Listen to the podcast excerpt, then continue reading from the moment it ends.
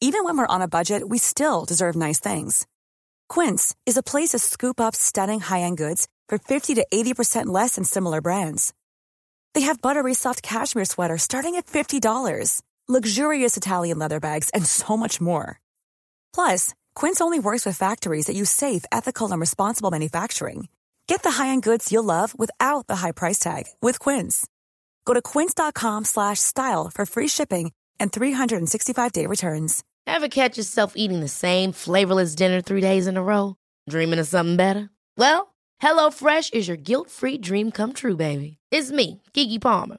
Let's wake up those taste buds with hot, juicy pecan-crusted chicken or garlic butter shrimp scampi. Mm. Hello Fresh.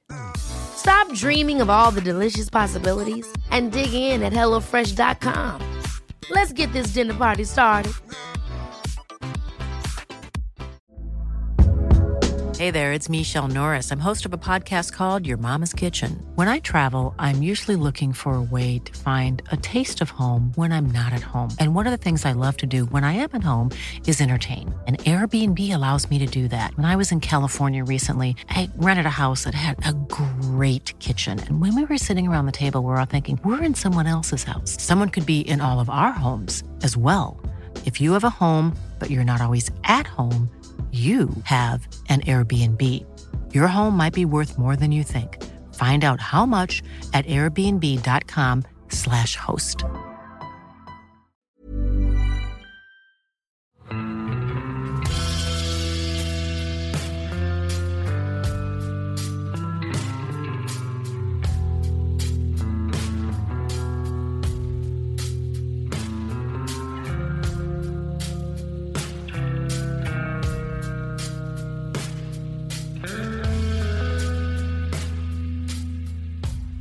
Hei og velkommen til podkasten Uteliv. Mitt navn er Randulf Valle. I dag sitter jeg ved et kjøkkenbord og ser ut gjennom et vindu på Åndalsnes sentrum og på Romsdalshornet. På den andre sida sitter eieren av kjøkkenbordet, Stein P. Aasheim. Vær så god. Ja, nei, jeg kan eh, bekrefte det du sier, at du gjennom vinduet ser Åndalsnes og Nordveggen på romstasjonen. Eh, Alt stemmer så langt. Ja. Og eh, det er ikke den verste utsikten å ha fra kjøkken og eh, skrivestue, det her. Det er en litt sånn tosidig. Det er en fantastisk utsikt. eh, Men eh, jeg er, ikke, jeg er liksom ikke helt enig med meg sjøl ennå om den er inspirerende eller distraherende. Det, mm, det kan nok virke litt begge veier. Det vil jeg tro. Jeg hørte om eh, noen sånne skjønnlitterære forfattere som snakka om det å skrive på kafé en gang. At den ene ble inspirert, mens den andre bare ble full og begynte å se på damene. Ja, det, ja, det siste er iallfall ikke tilfellet her, da. Jeg, jeg greier å unngå begge deler. Um, men, eh, men når du sitter og ser på disse her fjellene, så så hender det jo at du eh, pakker eh, sammen og, drar til fjells i stedet. Eh, At de trekker deg vekk fra skrivebordet snarere enn å, enn å holde deg fast der. Og det kan vel være en riktig positiv effekt, det òg, må man vel kunne si. Men eh, i dag eh, i Uteliv så skal vi snakke om det som skjer ved skrivebordet, PC-en i skrivestua, etter at man har vært på tur. Om eh, turlitteratur, kan man vel eh, kalle det. Og den sjangeren turlitteratur eller reisebeskrivelser, altså kan vi si noe om måte, hvor, hvor og når starta den? Eh, ja, det spørs jo litt hvor langt tilbake du skal gå, da. De gamle islandske sagaene om eh, de norrøne som reiste til Island og til Grønland og til, til Leif Eiriksson som dro til, til Nord-Amerika, land som Meadows. Det er jo en reisebeskrivelse. Kanskje de første norske eller norrøne reisebeskrivelsene. Det er mulig at det er å dra det litt langt. Eh, og så, for å gjøre et langt sprang, så, har vi jo, så er vi liksom plutselig på 1800-tallet. Og eh, de første reisebeskrivelsene fra Norge, eller i Norge, er vel egentlig utlendinger. Engelskmennene som reiste opp gjennom, gjennom landet. Det er Mye fascinerende der. Um, og så har du liksom de norske polferdene. Um, den første reisebeskrivelsen, hvis en vil bruke det uttrykket, er kanskje i Nansen over Grønland i 1888. Um, det er jo en reisebeskrivelse, og etter han så kom det jo flere.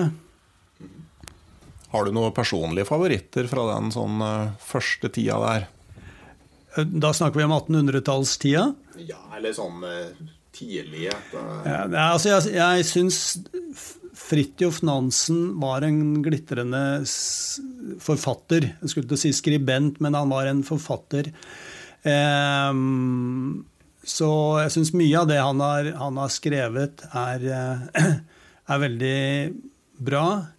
Um, jeg vil vel kanskje si at han, han, altså han var jo en Han hadde jo liksom evner i, i mange retninger.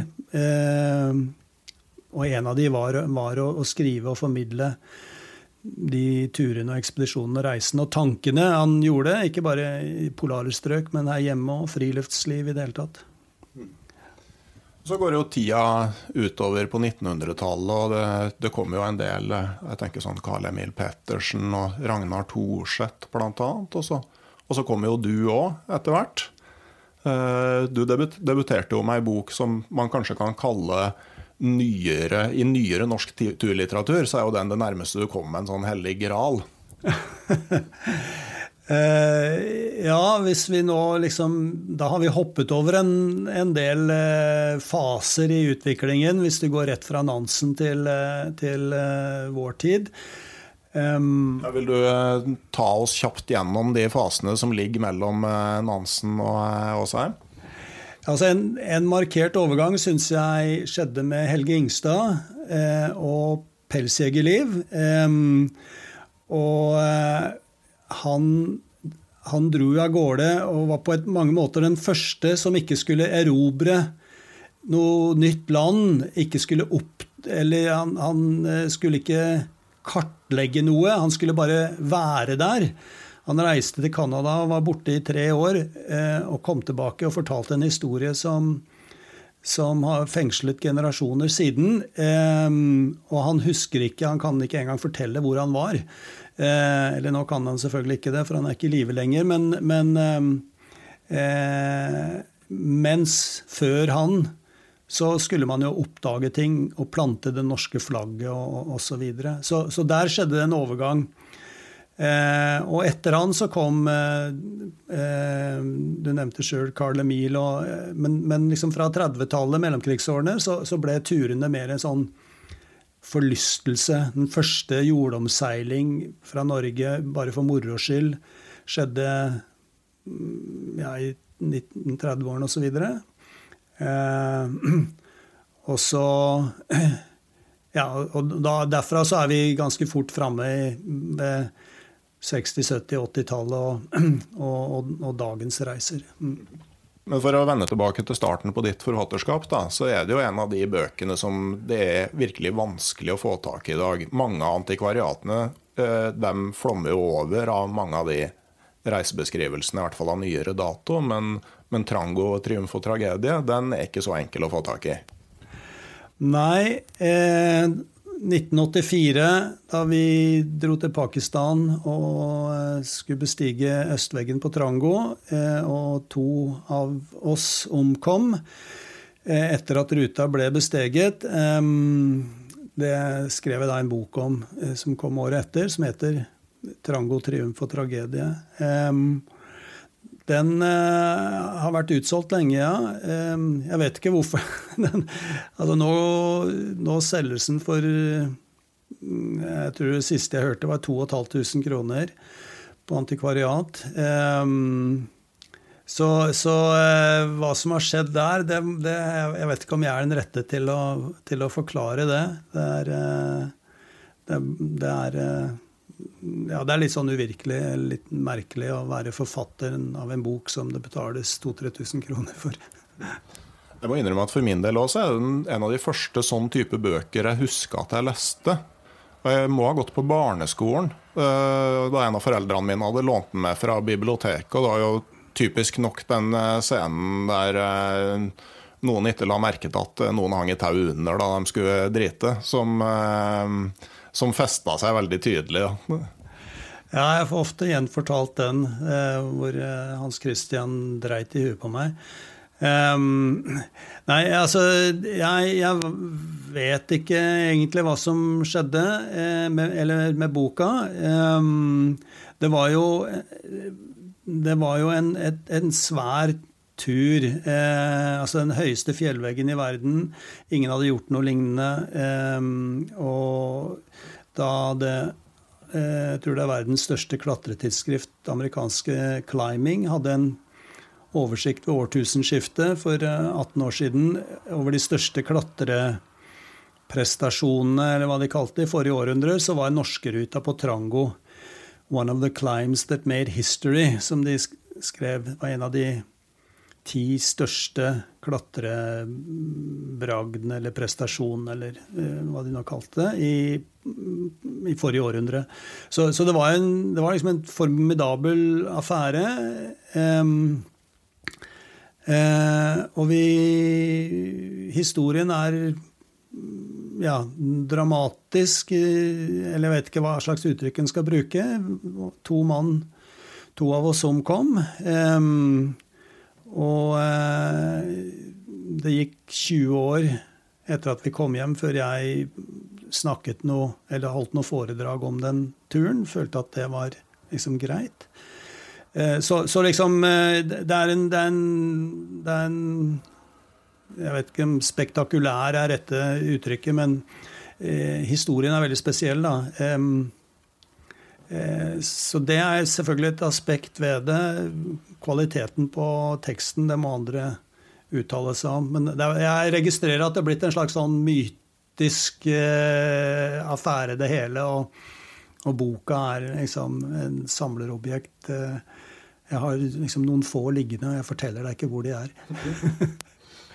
Jeg registrerer jo at en del rockeband som opplever det her, at sånne gamle sjutommers-singler blir omsatt for helt obskure summer, de eh, blir så forbanna på det her at de rett og slett bare lager nyopplag for å eh, komme det til livs. Da. Du har ikke tenkt på det?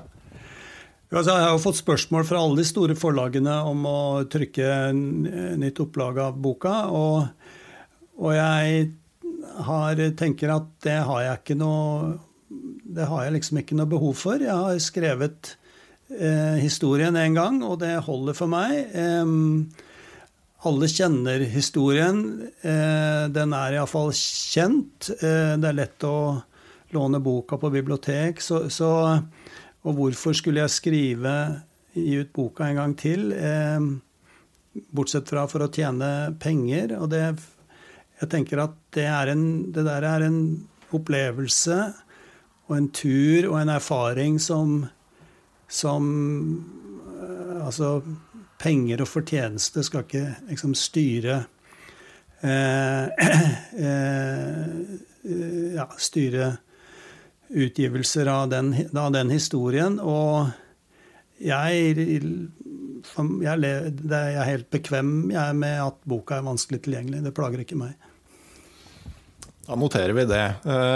Eh, jeg ser På nettsida di så var det vel elleve forskjellige bøker som var ført opp. Men jeg mener at jeg, eh, uten at jeg husker akkurat hvilke, så mener jeg at det var i hvert fall to som mangla. Eh, blant annet skietnografien. Ja, det, det, har du rett i. Jeg, må, det, jeg tror det er flere som mangler òg. Jeg, jeg, må skjerpe meg litt. eller jeg vet ikke om jeg må skjerpe meg, men den er ikke helt à jour. Eh, de siste bøkene er nok ikke med der, nei. Ja, det, flere, det, er, flere, det er mer enn elleve. ja.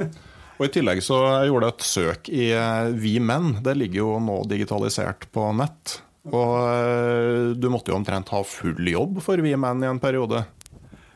Ja, det, var, det hadde jeg jo absolutt. Jeg var jo fast ansatt i Vi menn fra 1980 til 85, noe sånt noe, eller 84.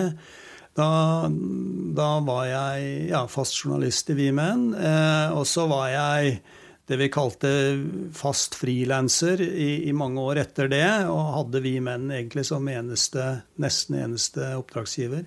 Så, um, så uh, ja, kan si mye om mannebladet Vi Menn, men det er ikke noe tvil om at uh, de ga meg muligheten til å bygge opp den plattformen som la grunnlaget for mye av det jeg senere har gjort. Det var vel akkurat som amerikanske Playboy, som var veldig bevisst på å ha kvalitetsjournalistikk, så man på en måte hadde en unnskyldning for å kjøpe bladet. Så var vel kanskje det samme vi menn drev med. At uh, vi må ha noe, noe ordentlige folk som leverer skikkelig stoff, som man kan, uh, som man kan ha noe å kjøpe bladet for. Ja, det, er mulig. Vi menn var jo Eller den finnes jo fortsatt. Eh, en sånn snodig lapskaus med, med nakne damer, sånn eh, halvnakne iallfall, og, og jakt og fiske og motorsport. Og, og, og krigshistorikk og eh, ja, litt sånne klassiske eh, mann, mannegreier. Og, og har, har, ja, har overlevd på det. Jeg fikk jo for så vidt òg min eh, sånn der innfallsvinkel til som turskribent og frilanser med Naturmagasin og Ola Haug i, i Vi Menn da ja, røftlig 20 år seinere. Ja. Ja, jeg, husker, jeg, husker, jo navnet ditt dukket opp, eh, dukket opp etter hvert i Vi Menn. Ja. Det, det, stemmer. Men du har jo alltid da formidla naturopplevelser. Hva er på en måte drivkraften for det? Eh, Altså Jeg hadde tenkt jeg skulle bli journalist ja, når jeg begynte å, å, å utdanne meg. Um, og, og, ville reise ut i verden og, og avsløre liksom, verdens uh, urettferdigheter og ta parti med de svake og, og ja. Uh, så jeg jobbet først den Første journalistjobben var i Sunnmørsposten. Og så fikk jeg fast eh, Det var en sånn sommerjobb, og så fikk jeg fast ansettelse i Varden i Skien. Så jeg jobba to år som vanlig reporter, journalist der. Um, og, um, og, så fikk jeg jobb i Vi Menn. Uh, og for meg så var jo det den, det den gang Det var jo liksom Wow, det var den norske National Geographic. Um, og, eh, og, hver gang jeg fikk en ny skrivejobb, så tenkte jeg kan studere kan jeg gjøre seinere. Um, og nå tror jeg kanskje Jeg vet ikke, jeg har et grunnfag i historie. Det var det jeg fikk med meg fra det akademiske livet. Um, nei, så, så, liksom det å, det å, skrive, det å formidle eh, og ha noe Ja, det, det, det startet egentlig med det. Så at, eh, ja, etter hvert så ble det da et valg mer hva du skulle skrive om. Da. At, eh, at det ble reiser og natur. Altså ja, altså etter hvert, eller Med Vi menn så ble jeg jo mer opptatt av meg sjæl enn av verdens urettferdigheter. Og, og, og hadde fokus på, på, eh, egen navle, for å si det litt brutalt og sjølransakende. Um, men, men, fortsatt så var liksom det å, det å formidle, det å skrive, skriveprosessen, har, har alltid vært liksom en sentral del av, um, av, av totalen, da.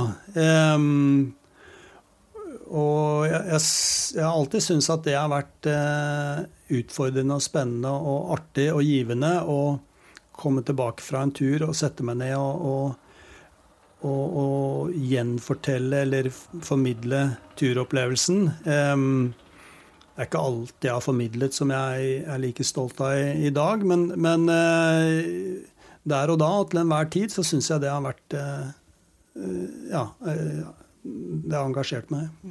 Kan du si noe generelt, når du sier at det ikke er alt du er like stolt av, kan du på en måte si noe generelt om hva det er du liksom kanskje ser annerledes på i dag? Ja, det tror jeg Altså, jeg var helt klar til starten eh, Altså, vi menn Hva skal jeg si? Vi menn-sjangeren. Det at eh, det skulle være litt dramatisk. Eh, det, det, skulle være tøft. Det skulle være litt sånn døden nær. Du skulle være barsk. Eh, altså det elementet der. Eh, at du eh, liksom la ut i verden eller i naturen eller i en fjellvegg og, og overlevde bare så vidt. Det var et viktig element eh, som, som jeg i dag ikke er spesielt stolt av at jeg var så opptatt av å, å fokusere på. Um, eh, så, så det, akkurat det det elementet er annerledes i dag. Men det er jo noe med ikke sant, Nå er jeg ja, gammel er jeg, nærmer meg 70 år, pinadø. Um, og, og, i den alderen så kan du på et vis tillate deg å ha noen andre typer tanker enn det var naturlig å ha da du var 20 og 30. Um, og, og, jeg tenker det er, og det er viktig å Hvis du ikke har det, så har det jo eh, Ja, så er det jo litt synd. altså det, den, den derre eller, Dette er kanskje en liten sånn digresjon, men, men i, i den bransjen min hvor jeg driver skal liksom sette fysiske rekorder, og det bratteste og høyeste og lengste, og ingen har gjort dette før, og ditt og datt, så er det så, så, så får jeg liksom høre at ja, du er tøft, og du holder deg bra, og alt mulig sånt nå. Men men eh, jeg tenker hvis du ikke har andre ambisjoner og andre mål eh, når du er 60-70 enn du hadde da du var 20-30, da, da, har du jo strengt tatt stagnert, altså. Går det litt på at du nå i stadig større grad måte, tar inn over deg den historiske konteksten, eh, f.eks.? Mm, nei, jeg vet ikke om akkurat det, for det har alltid altså, Det, det syns jeg alltid har vært spennende. Eh, altså, de gamle, de gamle pionerene. Å, å, gå i fotsporene til, det har jo liksom vært litt sånn min, min greie. Jeg syns det har vært eh, jeg har vært, jeg har vært altså Det er det eneste universitetsfaget jeg har. Det er en eksamen i, i historie.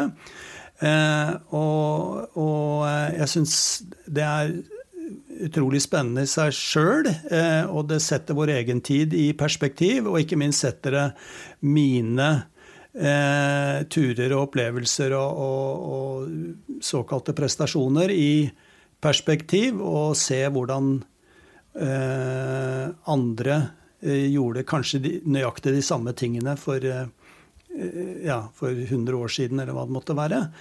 Um, så det, det, det, det, har jeg hatt med meg eh, lenge. Um, det er langt tilbake at jeg gikk liksom, den første turen i noens fotspor og, og, og gravde i historisk litteratur. Og, og, ja. Eh, men du snakker på liksom sånn når man skriver for Vi menn, så skriver man Vi menn-historier. Og generelt, altså når man, Uansett hva man skriver om, når vi snakker om tur, så, så har du ei litterær verktøykasse når du, når du setter deg og skal begynne å skrive. Og jeg tenker at uh, Det er ikke alle ekspedisjonsfolk som ljuger, men ingen forteller hele sannheten. Uh, kanskje et av de sterkeste virkemidlene man har, det er jo å være selektiv på måte, hva man velger å fortelle. og og hva man velger å utelate. Har du liksom hatt noe bevisst forhold til det?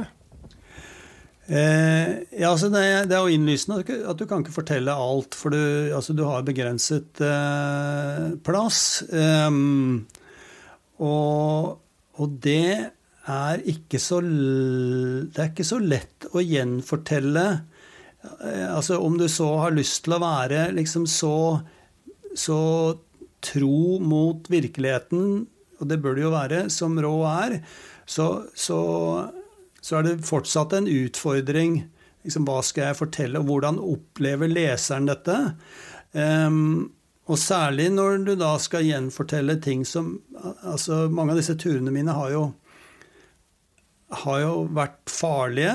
altså Snakker om det som liksom risikosport og ekstremsport og sånt nå. Og, og, det vi risikerer, er jo faktisk livet. Um, uh, og, og, da komme tilbake og, og gjenfortelle det. Du skal ikke Du skal på et vis ikke overdrive farene. Og så skal du liksom ikke du skal ikke underdrive det, altså det, det, der, det der er det, det, er ikke lett. Det er ikke lett å Og jeg har absolutt et bevisst forhold til det, det vil jeg si. Men om jeg har liksom trådt rett alltid, det er, det er en annen sak. Um, men, men det, det, å livnære seg av å både bedrive og gjenfortelle eh, livsfarlige eh, aktiviteter, den eh, Ja, du skal ha liksom, tunga rett i munnen og, og være, være eh, ja, tro mot, mot deg sjøl, hvis jeg kan si det sånn. Det, det, det, var ikke noe godt svar, men eh, når du spør om jeg har reflektert over det, så er svaret ja. ja. Det vil si at man bør stille mer åpne spørsmål enn akkurat det. Men uh, man er jo ofte mer enn én person på tur. Og så er det jo en som da mer eller mindre motvillig tar på seg rollen som uh, ekspedisjonens skald. Og det er jo en kjensgjerning at forskjellige personer ser samme situasjon på ganske forskjellig måte? Altså, har du fått noen reaksjoner fra turkompiser f.eks. På, på måten du har skrevet om, uh, om turer på? Eh, nei, det tror jeg vel ikke. Eh, nå, eller iallfall i senere tid, det har nok helt sikkert ikke alltid vært sånn, så så sender jeg jo manus Iallfall hvis, hvis det er noe som skal ende opp i bokform, så sender jeg manus til alle de andre som har vært med på turen. Til eh, både gjennomlesning og kommentarer, og, eh, sånn at, at, vi er liksom samkjørt, eller vi er enige. Jeg tenker at det, det, verste en sånn forfatter kan oppleve, det må jo være å gi ut en bok, og så tar de andre gutta som var med på turen, avstand fra, fra beretningen. Um, så det, det, har aldri, det, har jeg aldri, opplevd. Um, og tilbakemeldingen fra fra de andre på, på turen. Eh, altså Den siste av de større turene jeg har skrevet bok om, var vel når vi gikk på ski til Sørpolen i 2011. Eh, og da gikk manus eh, på Ja, alle leste gjennom og kom med kommentarer. Jeg tenker også på det her med vinklinga. Sånne eh, ting som jeg finner interessant, det er jo hvis du ser på Lars Monsen og Viljalmur Stefansson. Så uh, Monsen hadde jo tre år med å krysse Canada, en episk tur. Uh, Stefansson var jo uh, fire år i arktisk Canada, jeg tror det var fra 1913 og utover. Det var en sånn statlig finansiert suverenitetshevdelse, egentlig. Andersen drev og tassa rundt rundt Anderson River, og Stefansson dro på lange sledeferder oppe i øyriket i Nordvestpassasjen. Uh, og boka til Lars Monsen den heter jo 'Nådeløs villmark'. Uh, boka til Stefansson den heter 'The Friendly Arctic'. Uh, kan du reflektere noe rundt det? ja, altså, det er så lenge siden jeg leste Stefansson at han, han han har jeg ikke noe Eller for så vidt begge disse bøkene. Jeg, jeg husker ikke Jeg greier ikke å jeg greier ikke å være så konkret på refleksjonene, men, men, ehm, men eh, det holder jo på et vis med titlene. Eh, og eh, 'Nådeløs villmark' høres jo ut som en Vi Menn-tittel, for å si det sånn. Ehm, I motsetning til 'The Friendly Arctic'. Eh, jeg vil jo gjerne ha liksom, sett innholdet da, før jeg feller dommen, men um, um, altså jeg krysset òg Grønland en gang, eller, eller, flere ganger, men uh, første gang var med Nansens utstyr. Og, og, en slags uh, kopi av Fridtjof Nansens første ekspedisjon. Og, og vi Jeg kalte jo boka siterte riktignok Fridtjof Nansen, men tittelen på boka var 'Vestkysten eller døden'. Um, så det er jo en eh, Jeg vil jo si, sjøl om det ikke er mine ord, så er jo det en variant av, eh, av nådeløs villmark, da. Så um, jeg sitter jo i glasshus hvis jeg skal begynne å kaste stein. Jeg tenker ikke at man nødvendigvis skal kaste stein. og Det er ikke sånn at den ene tittelen er gal og den andre er riktig. Altså Det jeg tror Stefansson, eh, sånn jeg har lest det, det han ville påpeke, var at eh, for den som på en måte kjenner Arktis og, eh, og forstår og kan, så er det et veldig rikt land. Altså Han fant bl.a. ut at det var helt bortkasta å ha med proviant på sledeferder. Fordi at eh, altså, Du kunne fylle på med sel eh, når som helst. og at For den som på en måte forsto å utnytte Arktis sånn som urbefolkningen, så var det et veldig rikt, eh, rikt land. Altså Til tross for at ekspedisjonsskipet forliste og folk døde og sånne ting, da, så var det liksom i bunn og grunn et miljø som det var mulig å, og ikke bare overleve i, men faktisk å ha det bra i. Og at det var eh, kanskje litt av sånn, eh, det som lå bak tittelen. Ja, men det kan jo, altså Ingen skal beskylde Lars Monsen for ikke å eh, greie å livnære seg og overleve i, i villmarka. Og jeg syns jo han har liksom, både vist og dokumentert med all mulig eh, troverdighet at det, det, er han i stand til. Så jeg, jeg eh, og, og, utrolig inspirerende. Eh, så jeg tenker at eh, eh, Jeg ville jo lese liksom 'Nådeløs villmark' eh, slik at jo, den er nådeløs eh, hvis du ikke vet hvordan du skal håndtere forholdene der ute. Eh, da vil den være nådeløs. Du må eh, Og det vil den jo være for Stefansson òg. Eh, så det, ja, det ja to avskygninger. Eh, liksom, altså, begge to er på en måte en eh, korrekt beskrivelse, men de viser liksom to forskjellige avskygninger eller to forskjellige versjoner av det, den samme situasjonen.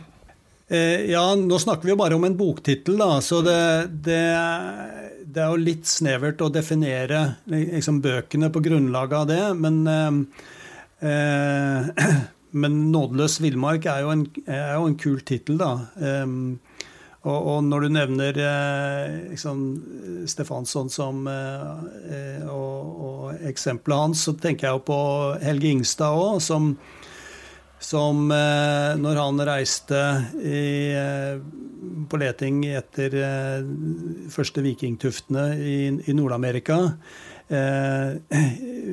De som hadde vært der oppe og lett tidligere, de, de, de fant jo et, et øde eh, villmarksområde hvor det er helt umulig å, å, overleve. Det var kaldt, og det var ugjestmildt, og det var liksom ikke egnet for, for mennesker. Mens når eh, Helge Ingstad kom dit med sin bakgrunn fra pelsjegerliv i Canada, så fant han en, en, en oase av eh, rikdom eh, og jaktmuligheter og vilt, og her var det jo liksom bare å meske seg med så, så um, det, ja, det er øynene som ser, og erfaringen du har.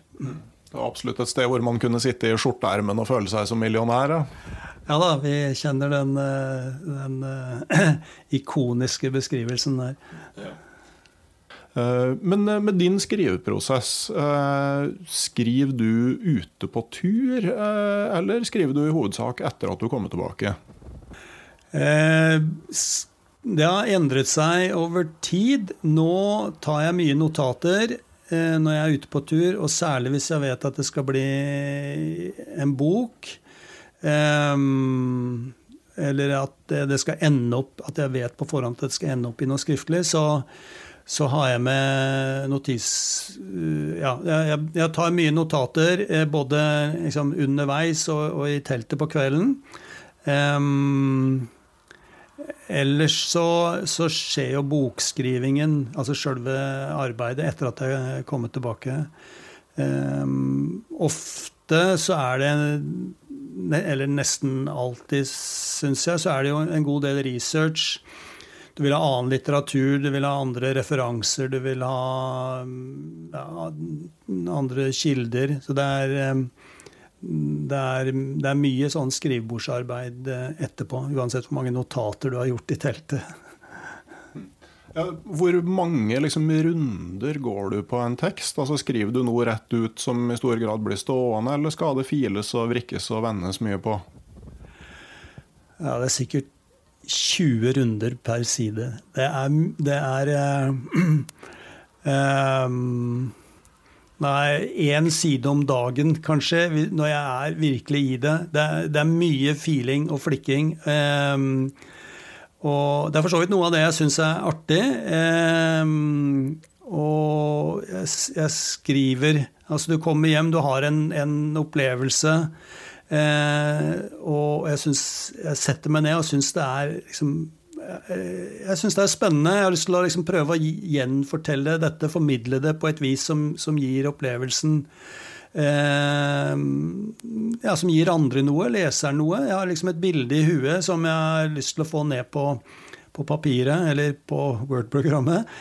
Um, og eh, og setter meg ned og skriver det. Jeg innbiller meg at det er litt sånn som å tegne eller male. Du, du, liksom, du setter deg ned og, og, tegner noe, og noen ganger så tenker du at dette ble liksom akkurat Dette ble innmari bra. Dette ble sånn jeg hadde tenkt det. Og andre ganger så kan du liksom mikke og makke, og så blir det aldri liksom, Jeg fikk det ikke til. Og, og sånn er det litt med, med tekst òg. Og jeg henter det opp igjen, henter det opp igjen dagen etter, henter det opp igjen uka etter, og, og da leser jeg noe annet i det. Og, og det er veldig mye øh, at jeg kutter ned. Eh, jeg tenker hvor Altså hvor, hvor få ord kan jeg bruke, og, og, og likevel gjengi dette presist. Det er en, øh, det er, det, er en utfordring. Hvor viktig er bilder for deg i bøkene dine? Eh, altså Fotografier har alltid eh, vært viktig. Jeg syns det har vært eh, Jeg har vært interessert i det. Jeg syns det har vært spennende. Jeg har brukt mye tid på, på foto. Nå, nå, er det ikke så viktig, føler jeg. Nå, nå er jeg mer fascinert av, av, av teksten, av, av skrivingen. Um, er kanskje litt sammenheng med at altså, alle tar jo bilder, og det er digitale mm, bilder i hytt og vær og Instagram og jeg veit ikke hva. Så, så, det er eh, Den gang vi fløy rundt med lysbilder og måtte framkalle, eh, så, så var det litt mer eh, Liksom da, da, var det å være fotograf var litt mer krevende, eller et yrke. Um, så, så, nå er liksom teksten helt klart uh, viktigere for meg enn bildet. Eh, jeg tenker kanskje at av og til i sånn type turbøker så kan bildene òg komme litt i veien for, uh, for teksten. Ja, det opplever jeg òg. Og, og jeg opplever Jeg har liksom tenkt at du blir på et vis ikke tatt på alvor i, i den litterære verden av bokanmeldere og Ja. Eh, når, du liksom, når du har en billedbok, da, det er en egen sjanger. Eh, eller iallfall ja, altså Det ene er at det er en egen sjanger, og, og da er det nesten sånn underforstått Teksten er ikke så viktig, at det er ikke en som egentlig kan skrive. Eh, og eh, når, eh, når eh, jeg skrev boka fra når Vi gikk til Sørpolen i 2011. Det var 100 år etter Roald Amundsen, og vi gikk vi gikk ruta. Vi var de første som gikk, eller, ja, gikk ruta hans opp igjen. Um, og den boka jeg ga ut da, tenkte at her, egentlig så hadde jeg ikke lyst på bilder i det hele tatt. Men uh, det ville ikke forlaget være med på, så det ble noen få bilder. Men jeg, jeg hadde lyst til at det skulle være en, en tekstbok. Altså, jeg, jeg mener sjøl at teksten min er, er, bra. Den står for noe. Og jeg vil at uh, liksom, det jeg kommer tilbake med, det jeg formidler, skal Altså teksten som skal, um, som skal bære det. Um, så, så, det at bildene kommer i veien uh, Ja, jeg, jeg, opplever nok det på det viset ofte. Men, men det, det, altså bøker er jo forskjellige. Men jeg legger merke til at eh, sånn som den gjengen bak Harvest, da, med f.eks. Torbjørn Ekelund, som nå liksom børster støvet av det som på nynorsk heter nature writing, som er hvor du bruker hvor du bruker kun språket til å, til å beskrive tur og natur. At kanskje ser vi litt sånn motreaksjon mot det bombardementet av video og lyd og eh, bilder og sånn som vi ser som turbeskrivelser rundt omkring i andre medier? Ja, kanskje. Men hvis du ser Harvest på nett, så er det jo bilder noen veldig sterk motreaksjon vet jeg ikke om det er, iallfall ikke på nettversjonen av Harvest, men når du ser mm, liksom, bøkene som, som disse gutta har gitt ut, så er det jo ikke mye bilder. Eh, så, så eh, det er litt eh, ja, det, ja, kanskje det er eh, en motreaksjon, eller det er iallfall en eh, Enten det, eller du kan si at det utfyller totalbildet. Eh, fyller en, et, et, eh, en tar en plass som, som, tidligere har vært tom, da. Eh, med å ha så mye reflekterende eh, tekst eh, som, ja, som Harvest eh, har, har ambisjoner om å ha. Mm. Jeg har liksom også opplevd at uh, når du er på tur i nye områder, altså for min del New Zealand f.eks., altså områder du har lest veldig mye om og sett veldig mye sånn praktbøker uh, hvor det er mye bilder og sånn, de gjør ikke nødvendigvis det samme inntrykket som de uh, mer sånn de skjulte perlene som du ikke vet noe om før du kommer dit.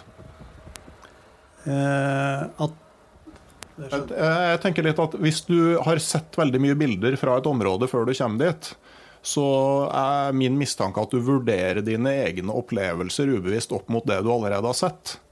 Men hvis du ikke har sett noe fra et område i utgangspunktet, så tar du inn opplevelsene akkurat sånn som de er, uten å vurdere dem opp mot noen ting. Da. Du tar det inn for det det, det er, uten noe sånn forkunnskap.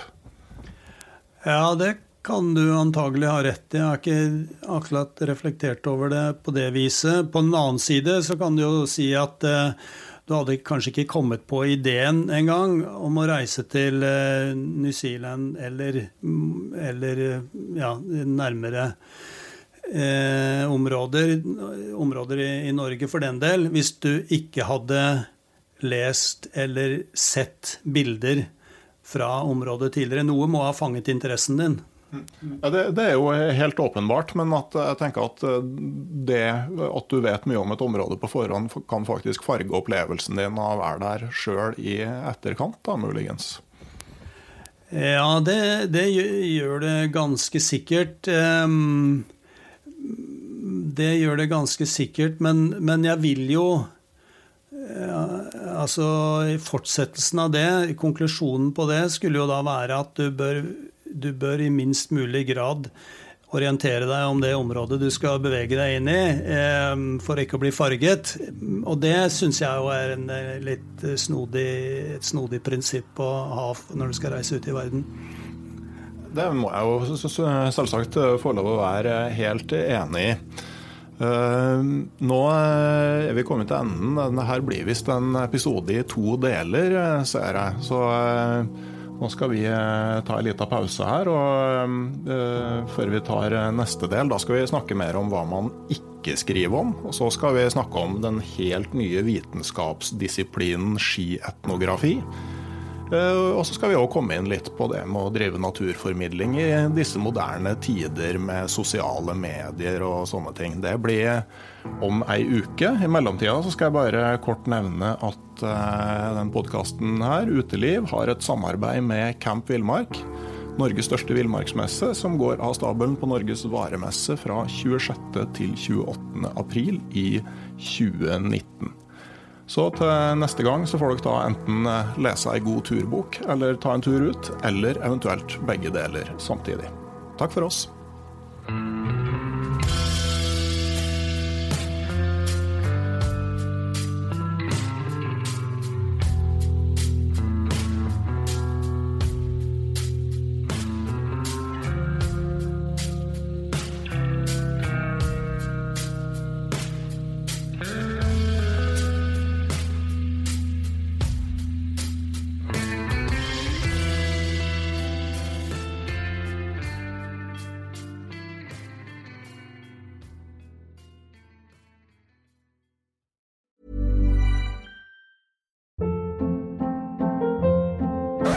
Hold up. What was that? Boring. No flavor. That was as bad as those leftovers you ate all week. Kiki Palmer here, and it's time to say hello to something fresh and guilt-free. Hello Fresh. Jazz up dinner with pecan-crusted chicken or garlic butter shrimp scampi. Now that's music to my mouth. Hello Fresh. Let's get this dinner party started. Discover all the delicious possibilities at hellofresh.com. When you make decisions for your company, you look for the no brainers. If you have a lot of mailing to do, stamps.com is the ultimate no brainer. Use the stamps.com mobile app to mail everything you need to keep your business running with up to 89% off USPS and UPS. Make the same no brainer decision as over 1 million other businesses with stamps.com. Use code PROGRAM for a special offer. That's stamps.com code PROGRAM. Hei, jeg heter Nore Helligsen og er daglig leder i Barents Outdoor. Det beste vi kan gjøre for planeten, er å redusere forbruket vårt og få mer ut av det utstyret vi allerede har. Men vi vet av erfaring at bruken av telt kan endre seg over tid. Det teltet du kjøpte for to år siden, passer kanskje ikke det behovet du har i dag. Derfor har vi i Barents etablert en egen panteordning der vi tar imot brukte telt av god kvalitet i innbytte når du kjøper et nytt av oss. Prosessen er enkel. På barentsoutdoor.no gir det oss informasjon om teltet du vil bytte inn. Basert på det får du et tilbud fra oss som gir deg rabatt på ditt neste Barentsprodukt. Mer info og betingelser finner du på barentsoutdoor.no. Og husk at den første reparasjonen på produkter fra Barents er alltid gratis.